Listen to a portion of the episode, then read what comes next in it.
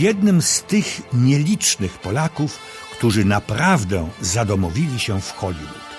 Dla ścisłości, w dawnym, prawdziwym, niebywałym i nieobliczalnym Hollywood, tej legendarnej fabryce snów, która równie szybko i efektownie produkowała, to znaczy windowała na piedestał swoje gwiazdy, jak i równie szybko i bezpardonowo strącała je w przepaść zapomnienia.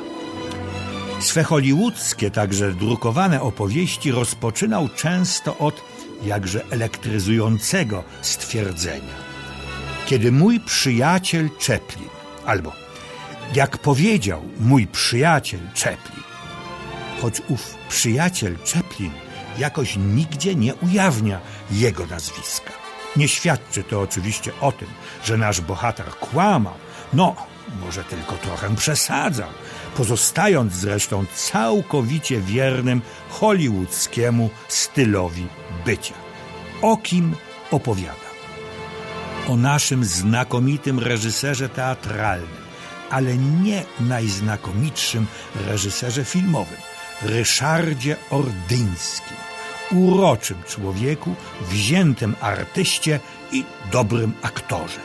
Urodził się w 1878 roku w Makowie Podhalańskim, tak na marginesie. Przypomnę, że nieopodal, w Suchej Beskidzkiej, urodził się światowej sławy reżyser hollywoodzki Billy Wilder. Państwo pamiętają Stracony weekend, Bulwar zachodzącego słońca, Miłość po południu czy Przebój nad przebojami. Pół żartem, pół serio. Wracam do jego sąsiada z Makowa Podhalańskiego, Ryszarda Ordyńskiego. Ukończył studia filologiczne na Uniwersytecie Jagiellońskim, po czym wyjechał do Berlina, gdzie pracował w sławnym Deutsches Theater, wielkiego nowatora teatru Maxa Reinharda, jako jego, uwaga, asystent. W 1912 roku kierował amerykańskim tournée tego zespołu. Te występy zrewolucjonizowały skostniały wówczas teatr amerykański. Zaś w Warszawie wystawił tę samą pantomimę Sumurun, tu z Polą Negri w tytułowej roli. To był początek jej wielkiej światowej kariery. Kiedy wybuchła pierwsza wojna światowa, Ryszard Ordyński znalazł się znowu w Hollywood. Reżyserował też w sławnej nowojorskiej Metropolitan Opera. I wtedy miała miejsce jego przygoda z pierwszym wampem światowego kina. Była nim Teda Bara. Już Państwu o niej opowiadam. Zaraz wrócę do tej przygody. Teraz dopowiem tylko krótko, że Ryszard Ordyński zrobił w Polsce w latach dwudziestych i trzydziestych kilka filmów, innymi Pana Tadeusza czy Dziesięciu Spawiaka. W czasie II wojny światowej pracował w Nowym Jorku jako reżyser. Po wojnie wrócił do Polski, zmarł w 1953 roku. Trzy lata później ukazały się jego wspomnienia z mojej włóczęgi. Wracam teraz do pierwszego hollywoodzkiego wampa. Ryszard Ordyński przedstawiony został Tedzie Barze, uważanej za demona zła, grzechu i śmierci, na ekranie rzecz jasna, która zaprosiła go na niewielki bankiet. Po czarnej kawie, wspomina Ordyński, w mistycznie oświetlonym ogrodzie wielka Teda zwierzyła mi się.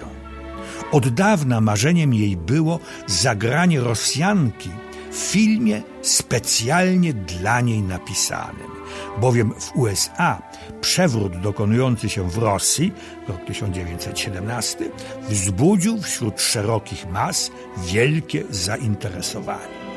Spacerując ze mną po ogrodzie, w pewnym momencie pani domu zwróciła się z prośbą, a raczej żądaniem, abym, ni mniej, ni więcej, napisał dla niej scenariusz na tle lat poprzedzających rewolucję. Koniec cytatu. Gdy Ordyński wrócił do domu o trzeciej nad ranem, zadzwoniła Teda Bara, oznajmiając, że scenariusz musi być gotowy w południe. Ordyński scenariusz oczywiście napisał. Prawdziwy fachowiec. Co więcej, został on zaakceptowany zarówno przez gwiazdę, jak i szefa wytwórni Foxa. Trzy tygodnie później rozpoczęły się zdjęcia. Ryszard Ordyński grał w tym filmie, jego tytuł Krwawa Róża, rosyjskiego studenta. Oddaję mu głos. Kierowałem też całym aparatem kostiumowo-dekoracyjnym, tłumacząc zdumionym współpracownikom, że istnieje pewna różnica między mundurem dońskiego kozaka a mundurem węgierskiego huzara. Ale dobrze mi zapłacono, a pan Fox zarobił na filmie wielkie pieniądze. W czasie premiery siedziałem w loży z gwiazdą. Fotografowano nas, oświetlano reflektorami, a ja paliłem się ze wstydu. Dlaczego? Proszę posłuchać krótkiego streszczenia tego kasowego, wspaniałego hollywoodzkiego dzieła. Cytuję autora książki Miłe kina początki Zbigniewa Piterę, który wiele lat temu ten film widział. Teda Bara wymarzonej roli Rosjanki kocha się w arystokracie, który jednak ulega przesądom klasowym i odrzuca jej miłość. Urażona w swej dumie poprzysięga zemstę i przyłącza się do rewolucjonistów, wśród których szczególnymi względami darzy młodego studenta. Przypomnę, grał go sam Ryszard Ordyński. Odtąd policja carska co pewien czas znajduje trupa jakiegoś arystokraty zamordowanego w tajemniczych okolicznościach. Intrygujące jest zwłaszcza to, że przy każdych zwłokach morderca pozostawia różę. A wszystko jest dziełem owej pięknej mścicielki, gotowej zgładzić kolejno wszystkich rosyjskich arystokratów. Gdy bohaterka otrzymuje od organizacji rozkaz, by zabić swego dawnego kochanka, którego mimo wszystko nie przestaje darzyć uczuciem, staje przed tragicznym dylematem. I choć drży jej ręka, wykonuje krwawe zadanie. No i kto miał rację? Ryszard Ordyński, który się wstydził tego scenariusza, czy pierwszy wamp Hollywoodu Teda Bara i właściciel wytwórni Fox, którzy byli zachwyceni.